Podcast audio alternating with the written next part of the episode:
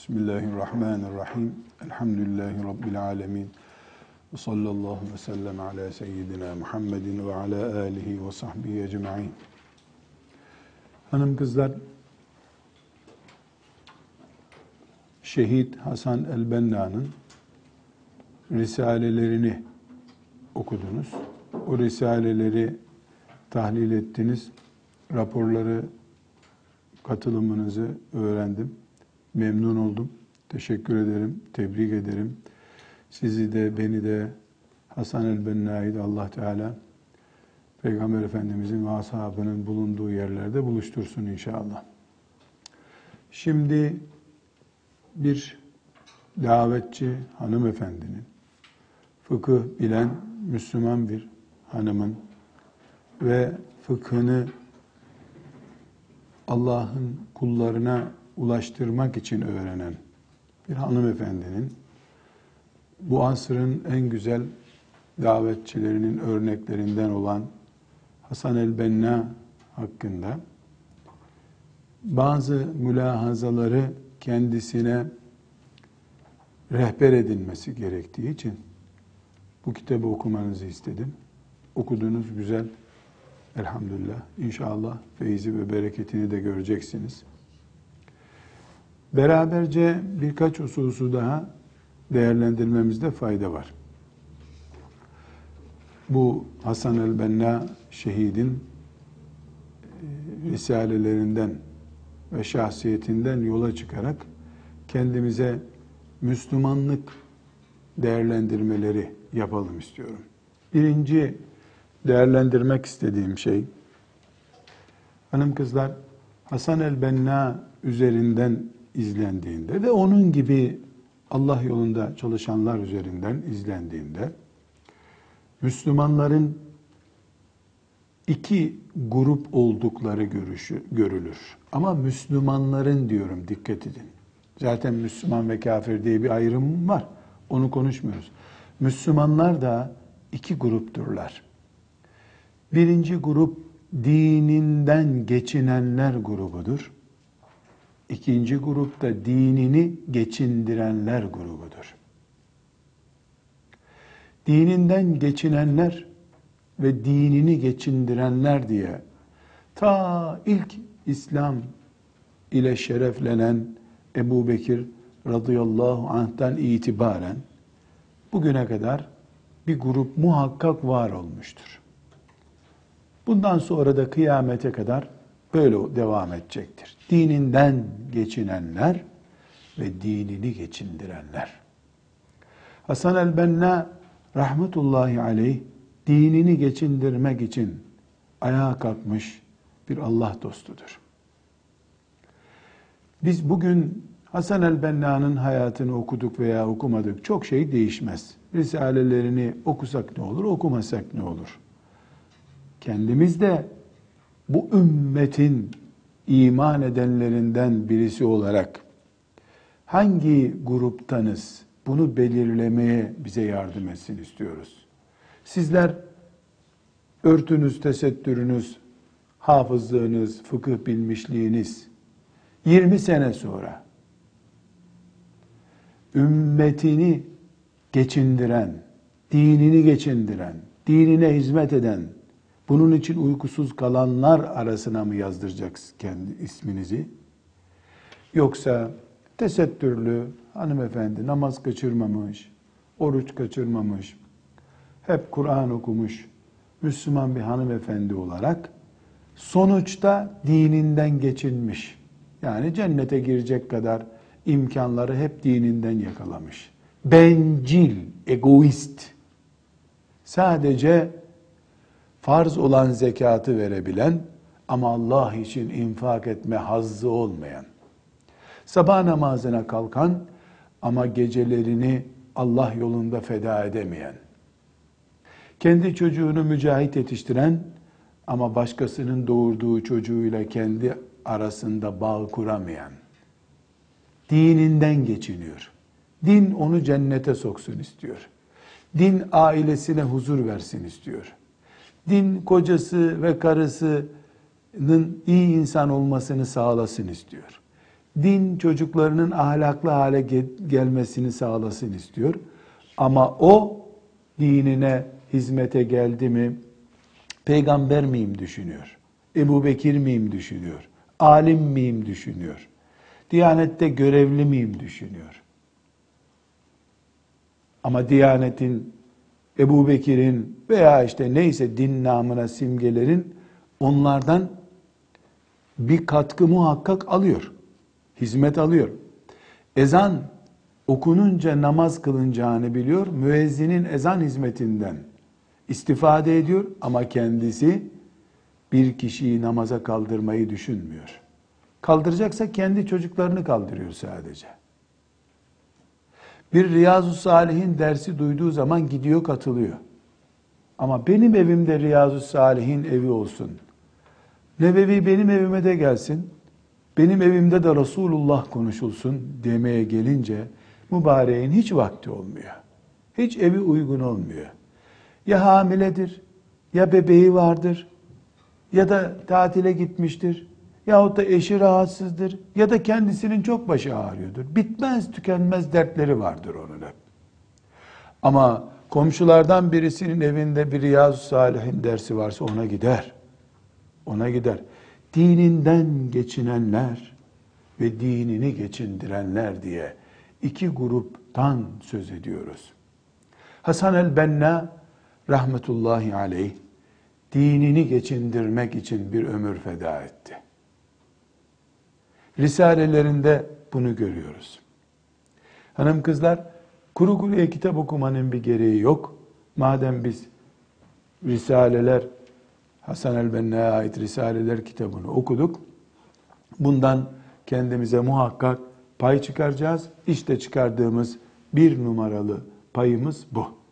İki, Hasan el-Benna alim bir insanın çocuğudur. Ama kendisi alim değildir. Bu cümlemi büyük harflerle yazın. Alim bir insanın çocuğu. Babası e, rahmetullahi aleyhime Ahmet bin Hanbel'in müsnedine şerh yazmış birisidir babası. Şaka bir şey değil. Kaliteli bir hadis alimi. Ama Hasan el-Benna e, iki yıllık edebiyat okuluna benzer bir okul mezunudur. Edebiyat öğretmenidir. Nasibi öyleymiş. Hasan el-Benna alim biri değil. Ama alimlerin yapmadığını yaptı. Dininden geçinmemek, dinini geçindirmek için. O kadar ki alim birisi olmadığı halde alimlerin vazifesi olan ümmeti en dağınık zamanlarından birinde toparlama görevini üstlenince Hasan el-Benna rahmetullahi aleyh alimleri karşısında buldu yer yer. Ne karışıyorsun bu işe demeye getirdiler. Otur oturduğun yerde demeye getirdiler. O yılmadı. Alim değildi, üzerine görev değildi, üzerine görev aldı, alimlerin yapacağından fazlasını yaptı. Allah rahmet eylesin. Bu nedenle biz Hasan el-Benna merhum şehidimizden ders alırken siz hanım kızlar Ezher mezunu musunuz? Bağdat'ta Ebu Hanife'nin medresesinde mi durdunuz? Çok Arapça mı biliyorsunuz? Kuvvetli hafız mısınız? Kurtubi tefsirini mi okudunuz? Fıkıhta icazet mi aldınız? Akideyi baştan sona şerh mi ettiniz? Hiç önemli değil. Bunların hiçbir Hasan el-Benna'da yoktu. Diyeceksiniz ki Hasan el-Benna alim bir insanın çocuğuydu. Hasan el-Benna alim bir insanın çocuğuydu ama 22 yaşında dünyanın en büyük İslam örgütünü kurmuştu. Eğitim aldığına dair bir işaret yok. Eğitim alacak yaşta zaten iş yaptı adam. Bizim talebelerimizin ilahiyat fakültesinden mezun olacağı yaşta o dünyanın en büyük örgütünü kurdu. Hatta hayatını anlatanlar diyorlar ki ortaokul seviyesindeyken okulda örgüt kurmuş. Dolayısıyla alim olmak, çok Arapça bilmek, çok tefsir okumak hiçbir şekilde önemli değil. Önemli olan himmettir. Alim kafalı olmaktır önemli olan. Peygamber aleyhisselamın davasına sahip olmaktır önemli olan. Bu sebeple Hasan el-Benna bize bağırarak diyor ki diplomalarınız, icazetleriniz, ilimleriniz bir kenara dininiz için uykusuz kalacağınız geceleriniz, dininiz için feda edeceğiniz sağlığınız, sıhhatiniz bir kenara. Bu onun hayatına yansıyor. Siz eğer Hasan el-Benna'nın İhvan-ı Müslimini kurduğu 22 yaşında olduğunuz halde, yani yaklaşık o yaşta olduğunuz halde Hasan el-Benna'nın davasına benzer bir dava güdemiyorsanız, hala siz Arapça öğreneceksiniz de, tefsirler okuyacaksınız da, çok büyük diplomalar, icazetler, doktoralar olacak da, hizmet edeceksiniz de, o sabah çok zor olur. Öyle bir sabahı gelmez dünyanın. Yapacak olan 17 yaşında Hasan el-Benna gibi yapacağını yapıyor. 22 yaşında yapıyor. 49 yaşında da Rabbine şehit olarak kavuşuyor. Hasan el-Benna alim değildi. Alimlerin yapması gereken şeylere dadandı. Alimlerin yapmak istediği şeyleri, aslında vazifeleri olan şeyleri tek başına yaptı. Bir de üstüne üstülük karşısında onunla cedelleşen alimler buldu. Hay Allah senden razı olsun. Bunu sen yaptın. Keşke biz yapsaydık. Elini ayağını öpelim diyecekleri yerde sen ne erişe burnunu sokuyorsun anlamına gelebilecek çıkışlarla karşılaştı. Bu da ikinci nokta. Biz risaleleri okuduk, sizler okudunuz, memnun oldum. Güzel tartışmışsınız, e, tepkiler göstermişsiniz. Ama bunu bir de benim dilimle size özetleyeyim. Niye okuduk, ne istiyoruz? Okuduğumuz fıkıhla nerede birleştirip bundan hamur yapacağız onu anlatmak istiyorum. Çünkü hanım kızlar sizin okuduğunuz fıkı binlerce insan okuyor. Sonra o fıkı herhalde turşu yapıyorlardır. Turşu yapıp bir kenara koyuyorlardır. Biz depolara atılacak ilme lanet ederiz. Öyle ilim bize lazım değil. Depolara atmak için değildir bizim ilmimiz. Arşa yükselinceye kadar ruhumuz bize enerji olsun diye ilim öğreniyoruz. Allah'a davette işe yaramayacak. Yok şu hastalık, yok doğum, yok bebek bakmak, şu olmak, bu olmak diye ömrümüz hep şahsımızı e, ayakta tutmakla, kendi menfaatimizi korumakla geçecekse melekler bize lanet ederler. Bunun için değil meleklerin ilim ehline, talebelik işiyle meşgul olana dua etmesi. Evet, Hasan el-Benna'dan bunu gördük. Hanım kızlar, üçüncü nokta Hasan el-Benna 1905'te doğdu. 1905'te doğdu, 1949'da hunharca şehit edildi. Hasan el-Benna'nın şehadeti ile doğumu arasında siz de tahmin ediyorsunuz sadece 44 sene var. Şu dehşet hayatın ne kadar büyük işlere vesile olduğuna bakıyorsun. Yani ne zaman doğdu, ne zaman çocuk oldu, ne zaman delikanlı oldu, ne zaman okudu, ne zaman iş yaptı, ne zaman Kudüs'e cihada gidecek sivil ordu kurdu. Devleti hantal görünce Kudüs'ü müdafaa etmekte 1947'de e, tuttu kendisi Kudüs orduları kurdu. Eli silah tutmuş bir adam değil. Rahmetullahi aleyh. 44 yıla asır sığdırdı. Nevevi gibi. Nevevi gibi. İmam Şafii gibi. Rahmetullahi aleyh.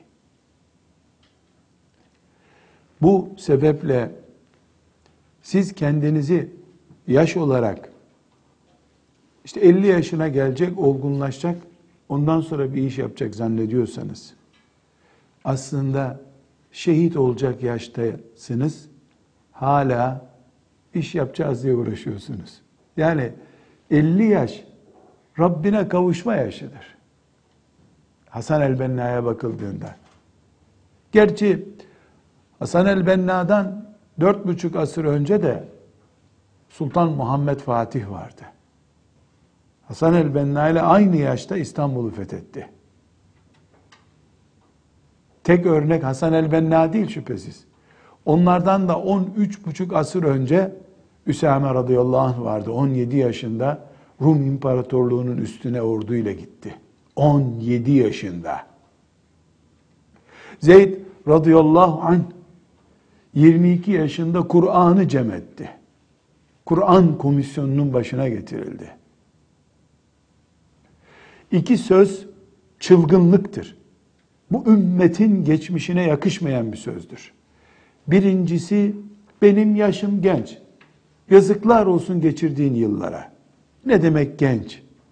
Ali bin Ebi Talib radıyallahu anh 7 yaşında 70 yaşındaki babasının anlamadığını anlayıp Allah'ı tanıyamadı mı? Ali müşrik bir babanın çocuğuydu üstelik. Hadi Hasan el-Benna'nın babası alimdi. Ali bin Ebi Talib'in babası müşrikti. Bu ümmetin 20 yaşı diğer milletlerin 80 yaşıdır. 100 yaşıdır. İki şey asla yakışmıyor bize. Birincisi kendini küçük görmek, yaş olarak. İkincisi de öncekilerin yaptığı büyük şeylere bakıp kendini hor görmek. İmam-ı Azam'a bakıp onun yaptığı iştihatlar bitirmiş işi. Bize bir şey kalmadı. İbn Abdülber sık sık sözünü etmiştik. Rahmetullahi aleyh. Diyor ki biz hep duyardık. Bir ilim talebesinin en kötü söyleyeceği söz öncekiler her şeyi yazmış çizmişler. Bize bir şey kalmamış sözüdür diyor.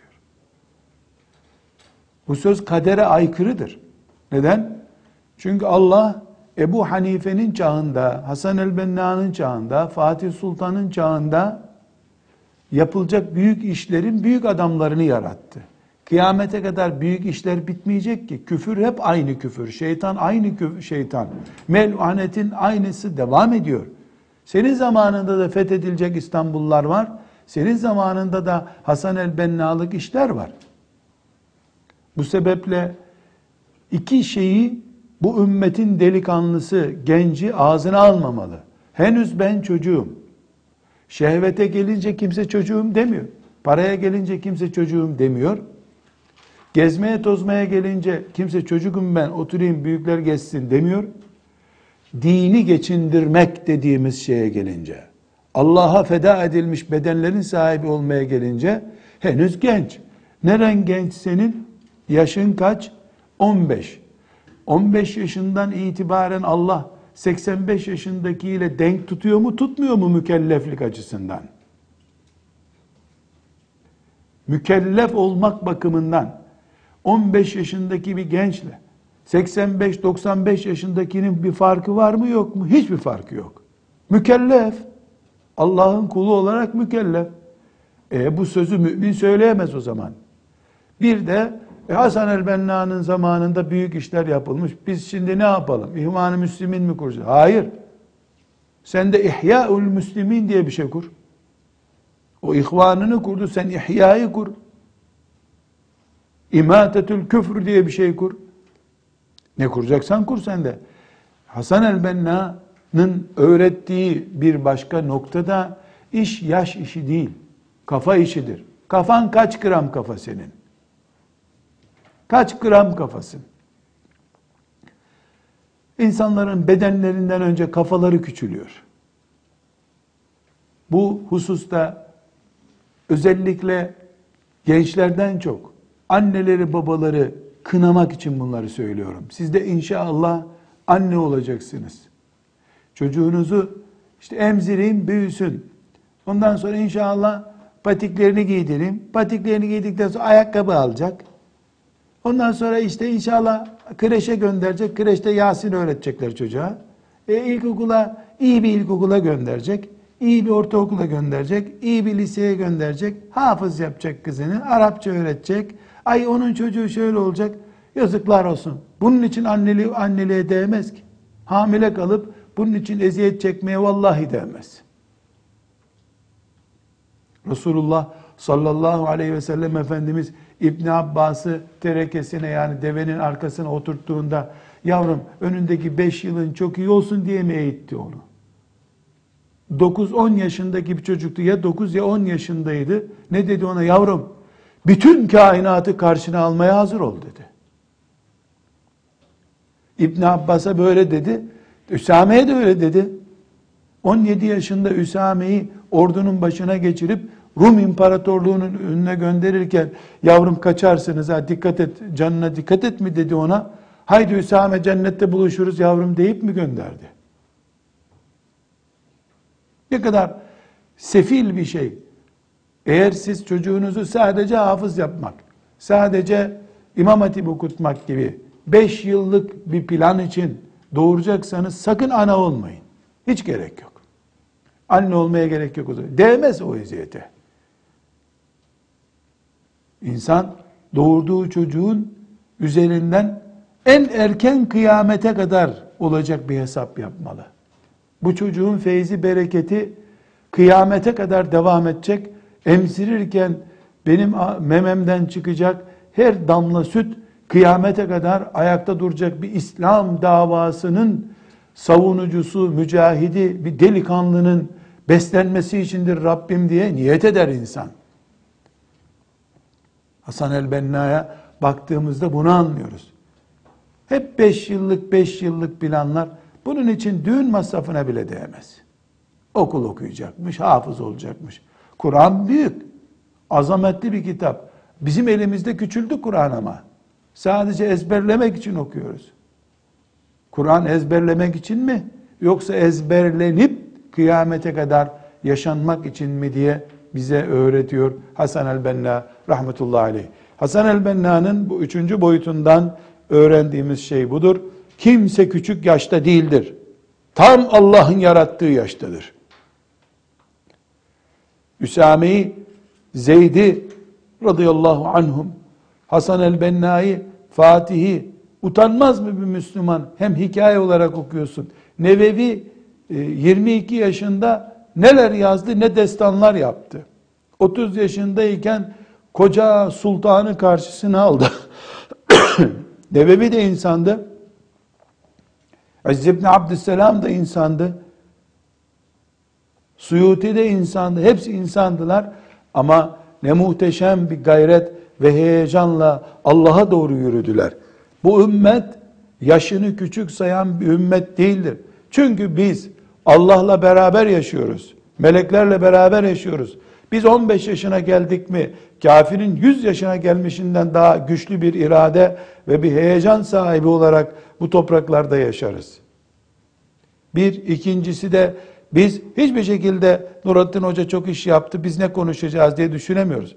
Eğer içinizden bir taneniz, ya bu hocanın derslerinden sonra bana ne kalacak ki, ben de onun derslerini tekrar ederim herhalde diye düşünüyorsa bir daha derse katılmayın. Lazım değil.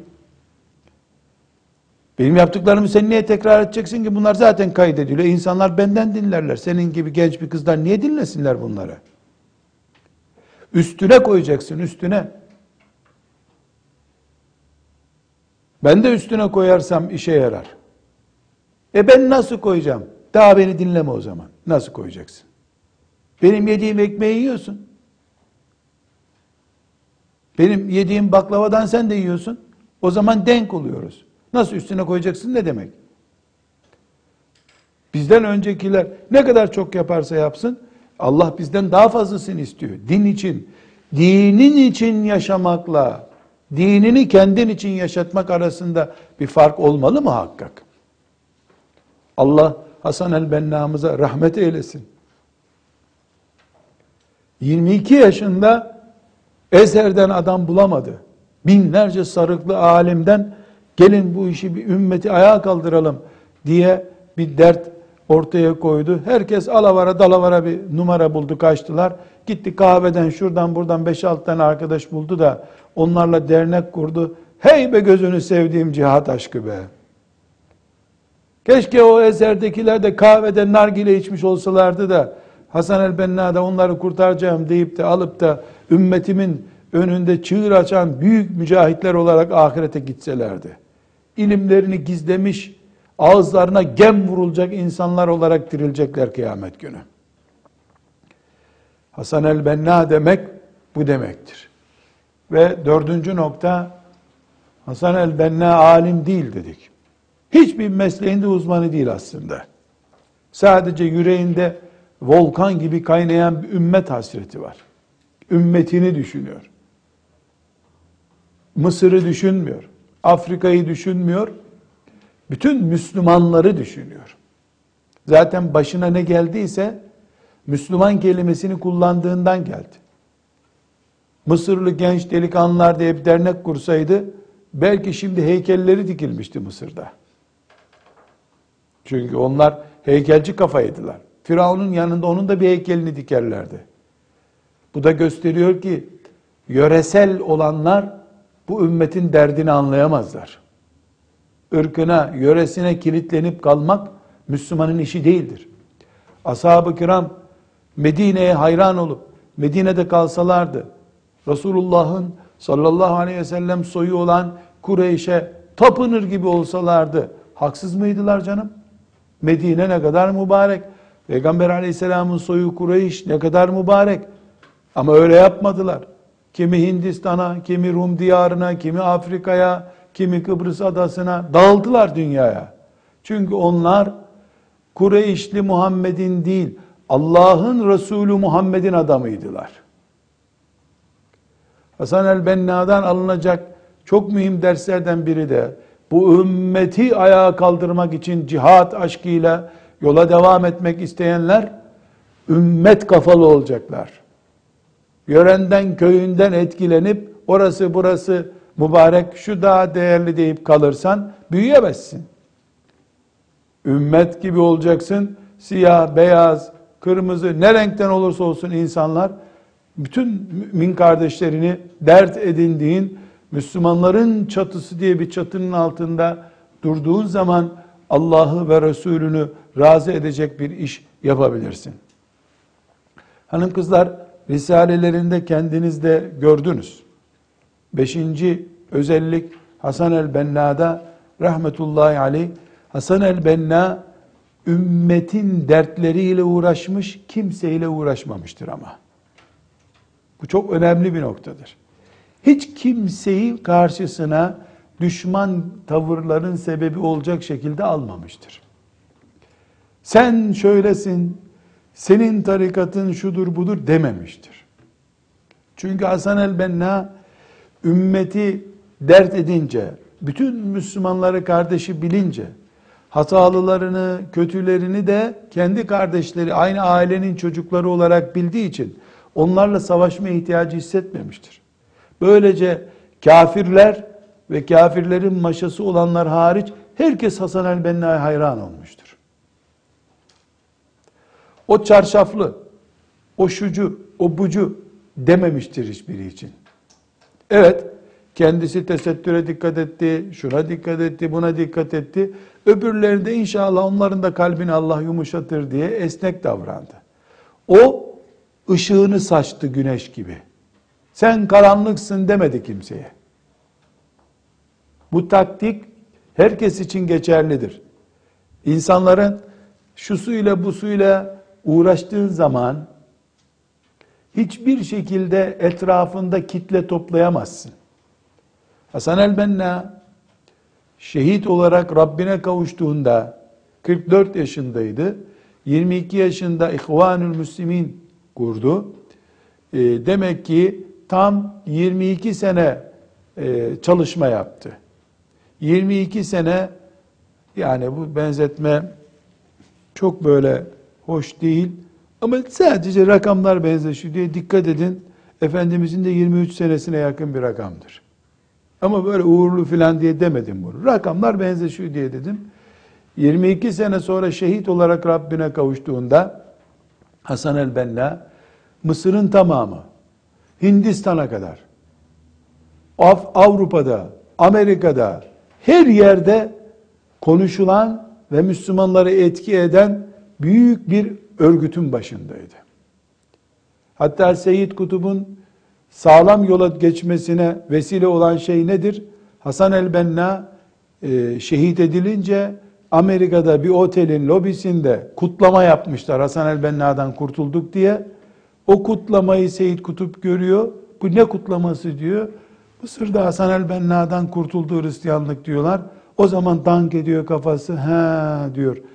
Kafirlerin öldüğünde sevindikleri Müslüman demek ki büyük Müslümandır diyor. Atlıyor geliyor. İhvan-ı Müslümine katılıyor ve meşhur Seyyid Kutup yolu açılıyor ona. Daha önce basit bir memurmuş. Yani 22 senede yaptığı şey Hasan el-Benna'nın çok büyük ama bu kendi bildiği doğruları anlatarak, başkalarının yanlışlarıyla uğraşmadan, kimseyi karşısına düşman olarak seçmemiş. Mümin kardeşlerim benim, mümin kardeşlerim bu işin doğrusu böyledir demiş hep. Bütün müminlerin gönlünde, gönlünde taht kurmuş, sadece onu Allah'ın düşmanları sevmemişler. Yahudi sevmemiş ve Yahudilerin oyuncağı olan Hristiyanlar sevmemiş. Ama onun dışında Hasan el-Benna kimsenin özel işiyle uğraşan birisi olmadığı için, ışık saçan bir güneş gibi olduğu için onun ışığıyla aydınlanan herkes ona hayır dua etmiş. Bu da önemli. Altıncı bir başka husus, hanım kızlar bakın cümleme dikkat edin. Hasan el-Benna tarikat erbabıdır. Halveti tarikatındandır. Kendine göre zikir, virit var. Me'thurat diye dua kitabı da vardır. Yaptığı duaları vardır. Hasan el-Benna ciddi bir tarikat erbabıdır. Hocam Abdülfettah Ebu Gütte rahmetullahi aleyhe e, tarikatla ilgili soru sorduğumda Hasan el-Benna halvetiydi demişti. Yani ben de şu tarikattanım demeye razı olmadı herhalde. Çünkü Hasan el-Benna'nın ciddi hayranı ve peşinden giden bir zattı. Rahmetullahi aleyhime cemiyan. Ee, yani Hasan el-Benna halvetiydi dedi. Ciddi bir tarikatçıydı. Şimdi dikkat edin. Söze böyle başladık. Ciddi bir tarikat erbabıydı. 22 sene sonra şehit edildiğinde devletin Mısır'da yaptığından daha fazla sanayileşme yapmıştı. Fabrikalar kurmuştu. Bir yığın fabrika kurmuştu. Kooperatifler, yapı kooperatifleri, işletme, ticarethaneler kurmuştu. Kendi üzerinden değil ama. Cemaat üzerinden. Yani tarikat erbabıydı, sanayicilik yaptı. Ve İhvan-ı Müslimini İstanbul'da hilafet ilga edildikten sonra 4 yıl sonra 1900 e, 1924'te hilafet ilga edildi. 1926'da 2 yıl sonra İhvan-ı Müslimin çalışmaları başladı. Yani Hasan el-Benna tarikat erbabıydı. Çalışmasında sanayicilikten, ticaretten, kooperatife kadar pek çok şey vardı. Sosyal niteliği vardı ve müthiş siyaset düşünen bir adamdı. Ümmeti neye muhtaç ise onun üzerinden kafa yordu. Tarikat erbabıydı. Şimdi inşallah örnek vereceğim tarikatlarından. Zikir yapıp Rabbi ile ruhunu saf bağlantılar içinde tutuyordu. Sosyal yapıyı ihmal etmiyordu. El açmayan Müslümanlar olarak yaşamak için zenginleşecekleri kooperatifler, sanayi tesisleri kuruyordu. Mısır devletinden daha güçlüydü onun yatırımı. Ve siyasetle ilgileniyordu. Zaten İhvan-ı Müslimin bütün dünyada kabul edilmeyen bir teşkilat olmasının nedeni siyaset içerikli olmasıdır. Bu da gösteriyor ki Müslüman İslam'ın bir ucundan tutup çekip gitmez. Tarikat erbabı, e, özelliğinde tarikat erbabı. Başka tarikat, başka yok. Olmaz böyle Müslüman. Rabbinle baş başa kalırsın, zikrini yaparsın, sanayide de iyi olursun. Siyasetten de anlarsın. Sosyal yapıdan da anlarsın. Müslüman peygamberi gibidir. Aleyhissalatü vesselam. Peygamber Efendimiz sallallahu aleyhi ve sellem sadece tarikatla mı ilgilendi, zikirle mi ilgilendi? Savaş yapmadı mı?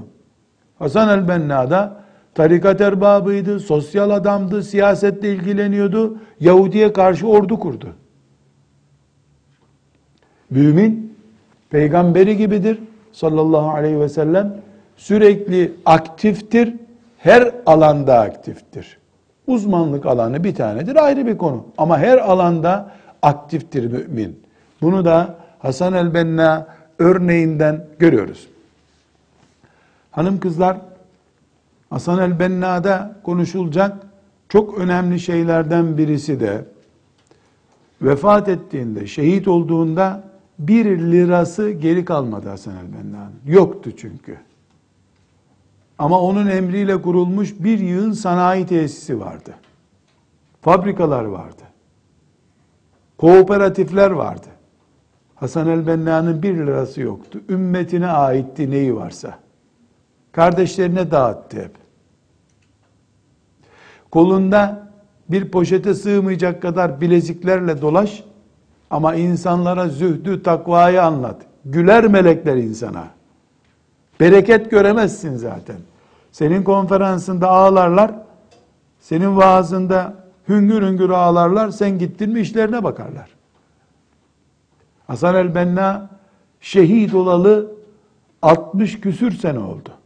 64 sene oldu Hasan el-Benna şehit olalı.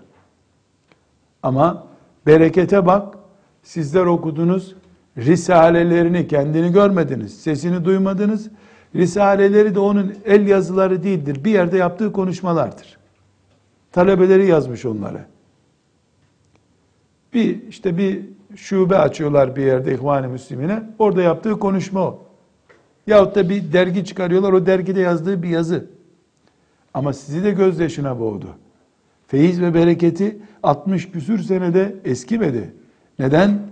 Çünkü ihlas, samimiyet, ticaret olmayan bir mantıkla yazıldı.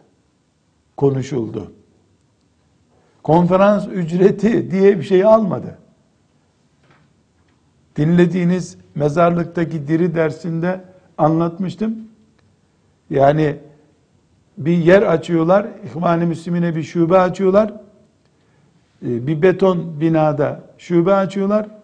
Orada e, yere oturmak mümkün değil. Beton, e, koltuk çekyat bir şey alamıyorlar. Eve gidiyor hanımına diyor ki yer açtık arkadaşlar betonda oturuyorlar diyor. Bir şeyler götürelim diye götür diyor. Ne götürüyorlar?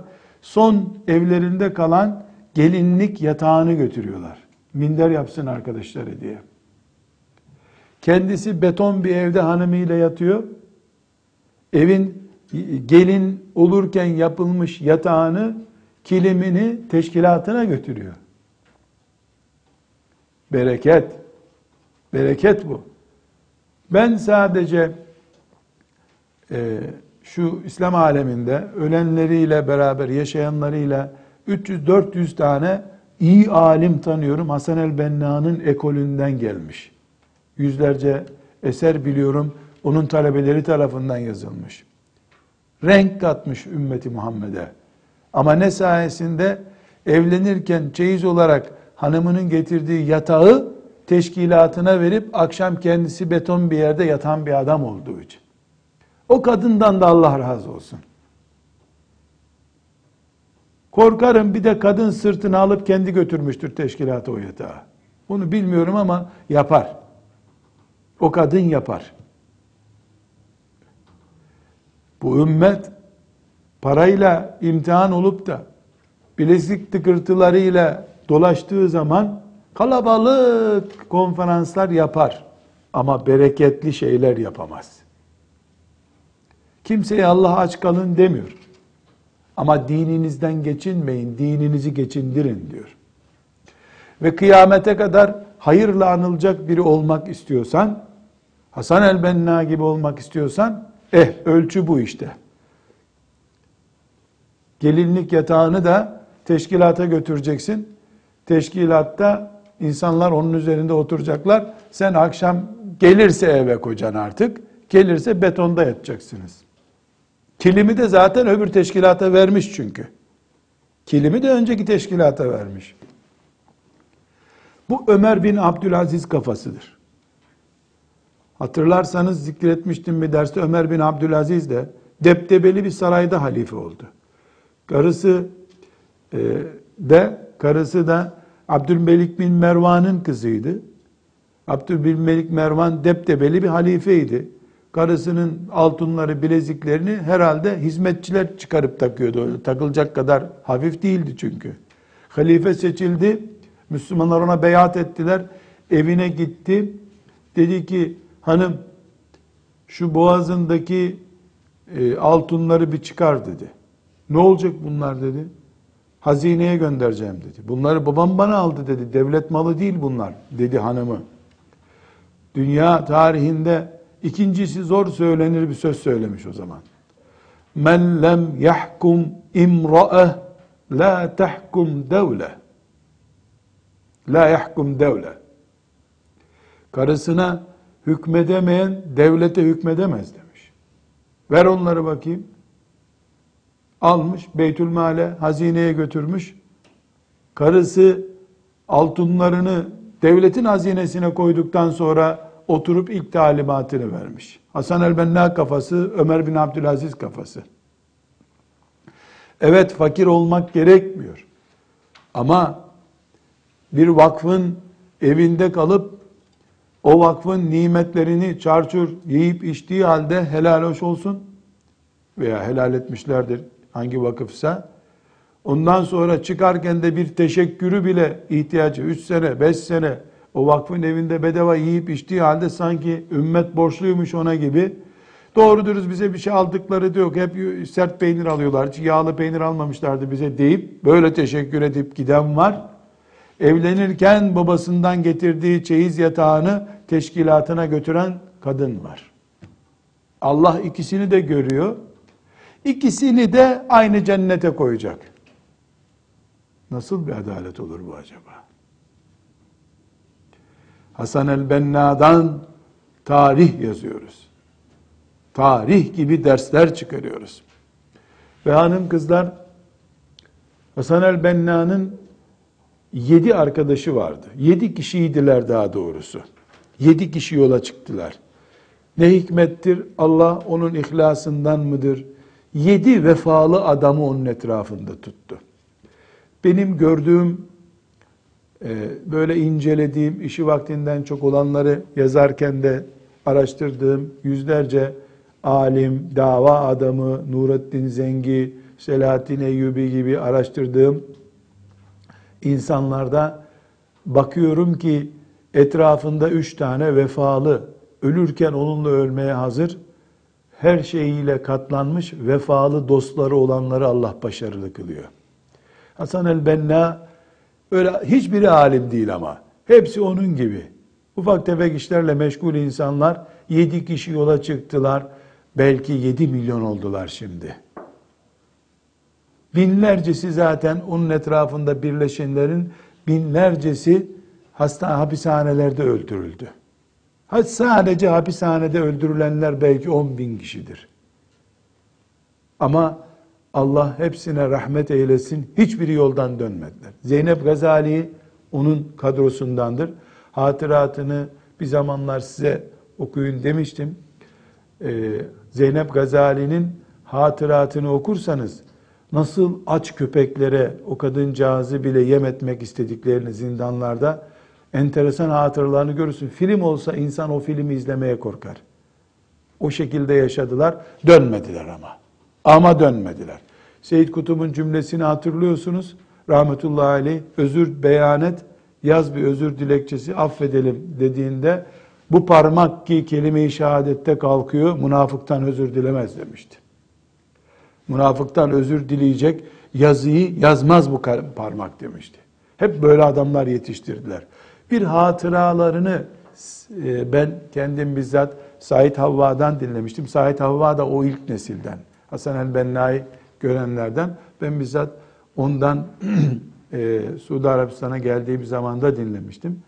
E, bunlar akşamları zikir için toplanıyorlar. Akşam işte dedim ya halveti tarikatındanlar. Akşam zikir meclisi var. Hem de kendilerine göre bir şeyler konuşuyorlar. E, o arada Hasan el-Benna e, işte İsmail diye bir arkadaşları var. İsmail'in evinde oturmuşlar. Yedi kişi zikir yapıyorlar.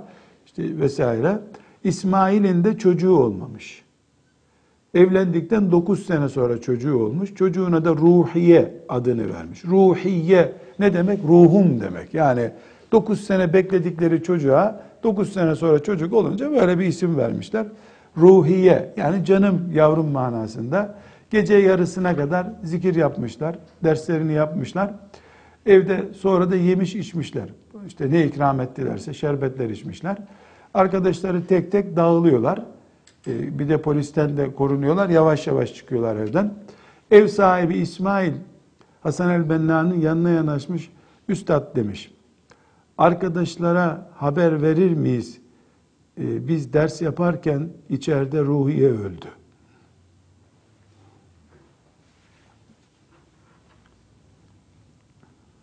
Arkadaşlara haber verelim de bizim cenazemizle ilgilensinler yarın demiş. Hasan el-Benna bizzat ya sen ne yaptın demiş. Biz biraz önce pasta yiyorduk. Bir şeyler yiyorduk. Sizin çocuk mu öldü içeride? Evet çocuk öldü demiş. E biz şerbet içtik demin demiş. Üstad demiş. Çocuk öldü davam değil demiş.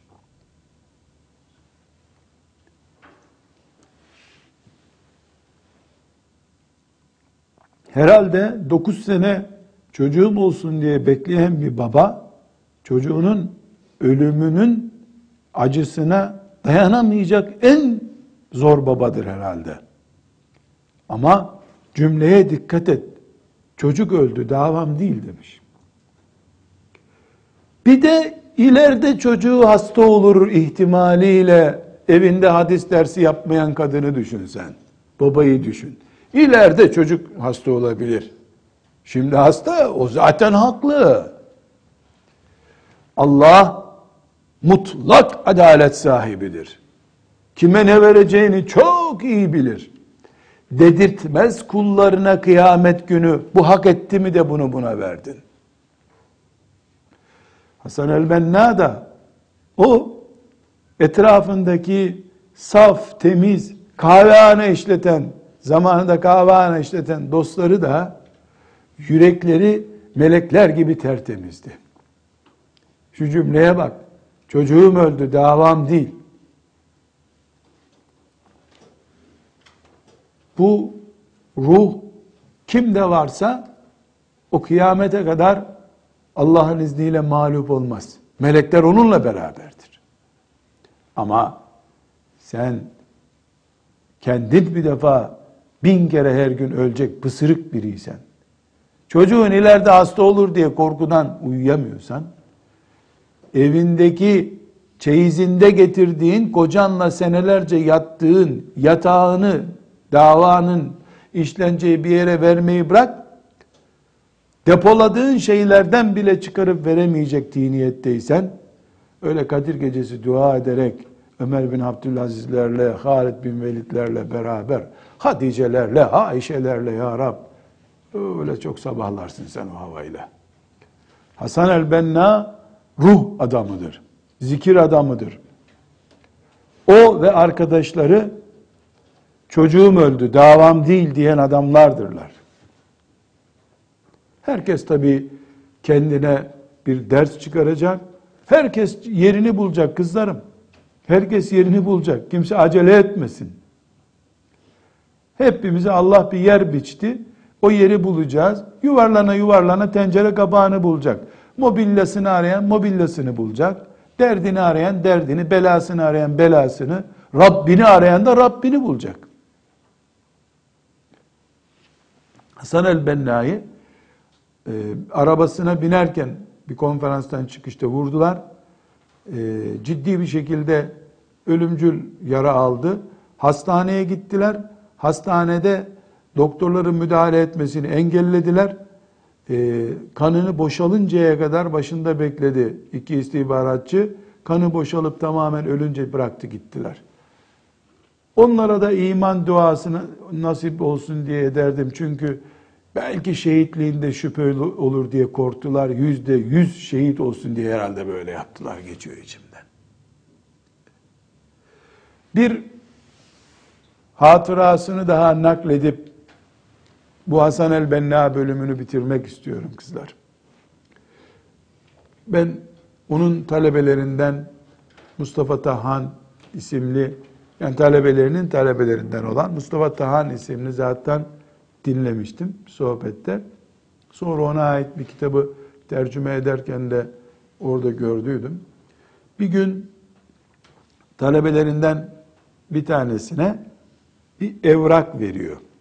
İşte Hasan el-Benna, oğlum bunu götür filanca devlet dairesinde hallet neyse artık ne yapılacaksa. O da diyor ki üstadım diyor ben bugün şu şu şu işi yapacağım diyor. Belki bu yetişmeyebilir verdiğiniz iş. Bunu Ahmet'e verelim. Ahmet diye bir arkadaşları var. Ahmet boş götürsün o yapsın diyor. Hasan el-Benna diyor ki oğlum o iş bitirecek olsa boş olmazdı. İşi meşgul insanlar bitirir. Sen götür yap bunu diyor. Bunu bir kenara yazıyoruz. İşi meşgul insan bitirir. Bu ne demek hanım kızlar? Sen daha ders yapacaksın, yazı yazacaksın, makale denemesi yapacaksın. Ne zaman vaktin olunca. Ölmeden vaktin olmayacak hiçbir şeye. Çok işin var. Ha, sen iş yapacak adamsın şimdi. Çok mu işin var? Tamam sen iş bitirirsin. İşin içine iş sıkıştığı zaman işler biter. Oho bahar olacak da yağmurlar yağacak, güneş açacak, tarla sulanacak, hanımefendinin çiçeği büyüyecek, Müslümanlar da onu koklayacaklar.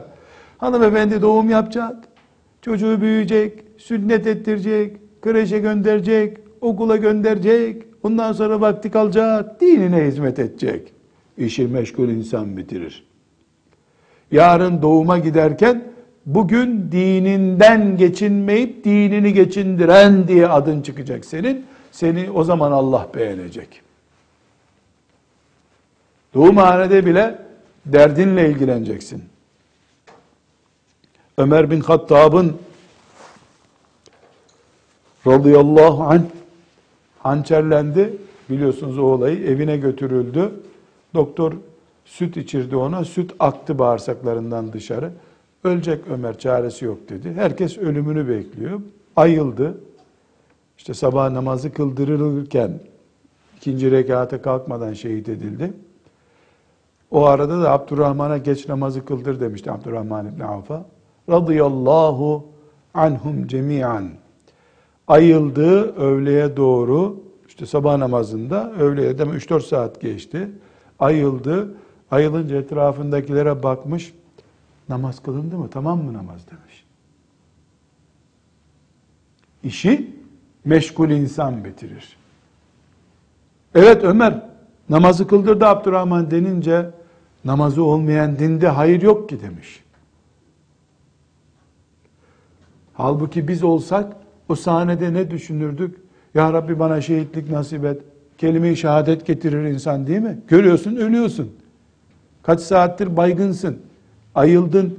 E bir kelime-i şehadet getir. E, çocuklarına vasiyet et. Bir şeyler söyle. Namaz tamam mı? Müslümanların namazı tamam mı? Şu hale bak. Müslümanların namazı tamam mı?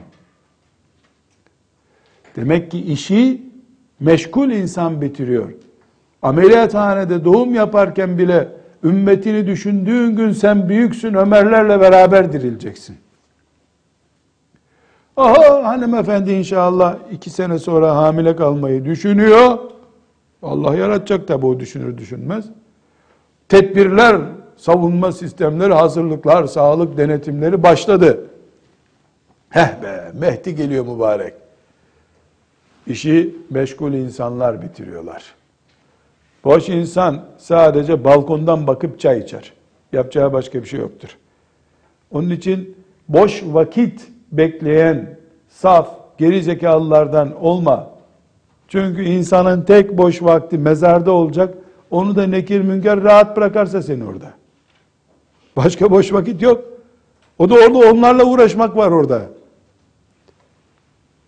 Hasan el-Benna kızlarım rahmetullahi aleyh bir çığırdır. Ümmetimin en karanlık zamanında geldi. Fiilen topraklar her yer işgal edilmiş, hilafet kaldırılmış, fakirlik, sefalet, Yahudi devleti kuruluyor bir yandan, e, ümmeti Muhammed'in başı yok, herkes kendisi almış götürmüş, e, bir yığın ümmetin selefine hakaret eden yeni ekoller çıkmış, o ekoller Mısır'ı karıştırıyorlar. Bu dönemde Hasan el-Benna rahmetullahi aleyh hiçbir şey olmamış gibi sanki Medine-i Münevvere'de İslam taptaze şöyle yeni başladı İslam gibi heyecanla yola çıkmış. Ve Hasan el-Benna'nın en harika şöyle gözümde tüten ilini ayağına kapanmamı e, bana hoş gösterecek olan tavırlarından biri o da bir sürü olaylarla karşılaşmış. Dostları, arkadaşları, çevresi her olayla karşılaşmışlar. Ama Hasan el-Benna en çetrefilli polisin onları kovaladığı zamanda daha heyecanla yoluna devam etmiş. Her seferinde mesela polis bunları sıkıştırıyor, e, siyasi kadrolar sıkıştırıyor, Yahudiler tehdit ediyorlar, fakirlik sıkıntıları var, yiyecek bulamıyorlar. Her seferinde yorum şu, hmm, şeytan demek ki bizi düşman seçtiğine göre Allah işimizi kabul ediyor. Hah devam demiş, devam. Doğru yoldayız demek ki. Demek ki doğru yoldayız. Her sıkıntıyı Allah'tan bir işaret olarak görmüş kendisine. Ya arkadaşlar bu iş olacak gibi değil diyecek şeyler ki biz öyle diyoruz. O ise arkadaşlar demek ki Allah bizi seçti yahu. Tamam arkadaşlar hadi devam demiş. Gelip ona anlatıyorlar. Üstad şöyle bunaldık, böyle dert oldu. Tamam arkadaşlar demek ki doğru yoldayız diyor. Ölümden hayat çıkarmış adam. Okuyorum okuyorum anlamıyorum diyene ha demek okuman gerekiyor anlatmış. Azim dolu, heyecan ve umut dolu. Rahmetullahi aleyh. Hanım kızlar, ağabeyiniz, hocanız, babanız hangi mevkiye oturtursanız oturtun. Size tavsiyem yılda bir defa Hasan el-Benna'nın risalelerini okuyun. Hasan el-Benna peygamber değil. Masum asla değil. Katiyetle benim bir şeyci olmayacağımı az çok biliyorsunuz. 500 sene daha ömrüm olsa filancacı dedirtmem kendime. Ben Rabbimin kulu olarak ölmek istiyorum. Şucu bir Müslüman değilim. Kimse de benci olamaz zaten. Çünkü ben kimseci değilim. Hasan el-Bennacı değilim ben. Olmam da. İmanıma aykırı bulurum bunu. Ama bu bataklıkta açmış o güle de hayran olmamak mümkün değil. Biz Hasan el-Benna'nın zatına hayran değiliz. Şu himmet, şu gayret, bu heyecan, bu fokurdayan volkana hayranız. Hasan el-Benna'dan bu dersleri hiç unutmayınız. En bunaldığınız zamanda bir Hasan el-Benna okuyun. Bu dersi bir dinleyin. Ara sıra şeytan bıktırır, uf yaptırırsa bir kere Hasan el-Benna okuyup üfleyin üstüne onun. Çünkü bizim bir Hasan el-Benna örneğimiz var. Onu konuştuk. Şeytanın binlerce pısırık İslam'ın, Müslümanların büyüğü zannedilen örneği var. Ama biz başta Müslümanları ikiye ayırdık. İslam'dan geçinenler, İslam'ı geçindirenler. Birinciler kafirdir demeyiz haşa. Ama bir insan dirilirken eh mümin diye dirilir. bir de dirilirken mahşerde cehenneme gitmesi muhtemel milyonları diriltmiş biri olarak dirilir. Elbenna böyle dirilecek inşallah. O iyi bir örnek, hoş bir örnek ve canlı bir örnek. Dilerim Allah yaptığının benzerini yapmayı, daha iyisini yapmayı bize de nasip eder. Bunu dua eder, böyle temenni ederiz Allah'tan. Hepimiz Hasan el-Benna'dan daha iyi olabiliriz. İstemeye bağlı bu. Çünkü Allah yaptıklarımıza bakmayacak. Ne yapmak istediklerimize bakacak. Hasan el-Benna bana yetmez. Hasan el-Benna'nın zamanında internet yoktu. Ben interneti de sollayacak büyük bir hayır yapmak istiyorum. Milyonları kurtarmak istiyorum der. Bunda da samimi olursan ama öyle her gece rüya görmek demek değil bu. Fiilen de hayatını böyle vakfedersen. Ben yüz bin kişiyi kurtardıktan sonra evleneceğim. De olabilir. Evlilikten daha kutsal bir cihat yapacağım. Olabilir. Samimi misin değil misin onu Allah bilir sen bilirsin. Ben şu kadar büyük hayır yapıp Rabbime öyle kavuşacağım diyebilirsin. Samimi misin değil misin onu Allah ölçer. Kimse kimseyi ölçemez. Ama herkesin önünde Hasan el-Benna'dan daha iyi olma imkanı var kızlar. Yapamazsın Allah yaptı gibi kabul eder. Yaparsın hem yaptığından hem de niyetinden kazanırsın. Rabbim Rahim olan Rabbim Hasan el-Benna'ya onunla beraber ve ondan sonra zindanlarda şehit olan binlerce mümine rahmet eylesin. Onu da bizleri de şehitlerin sultanı Hamza ile beraber cennetinde buluştursun. Velhamdülillahi Rabbil alemin.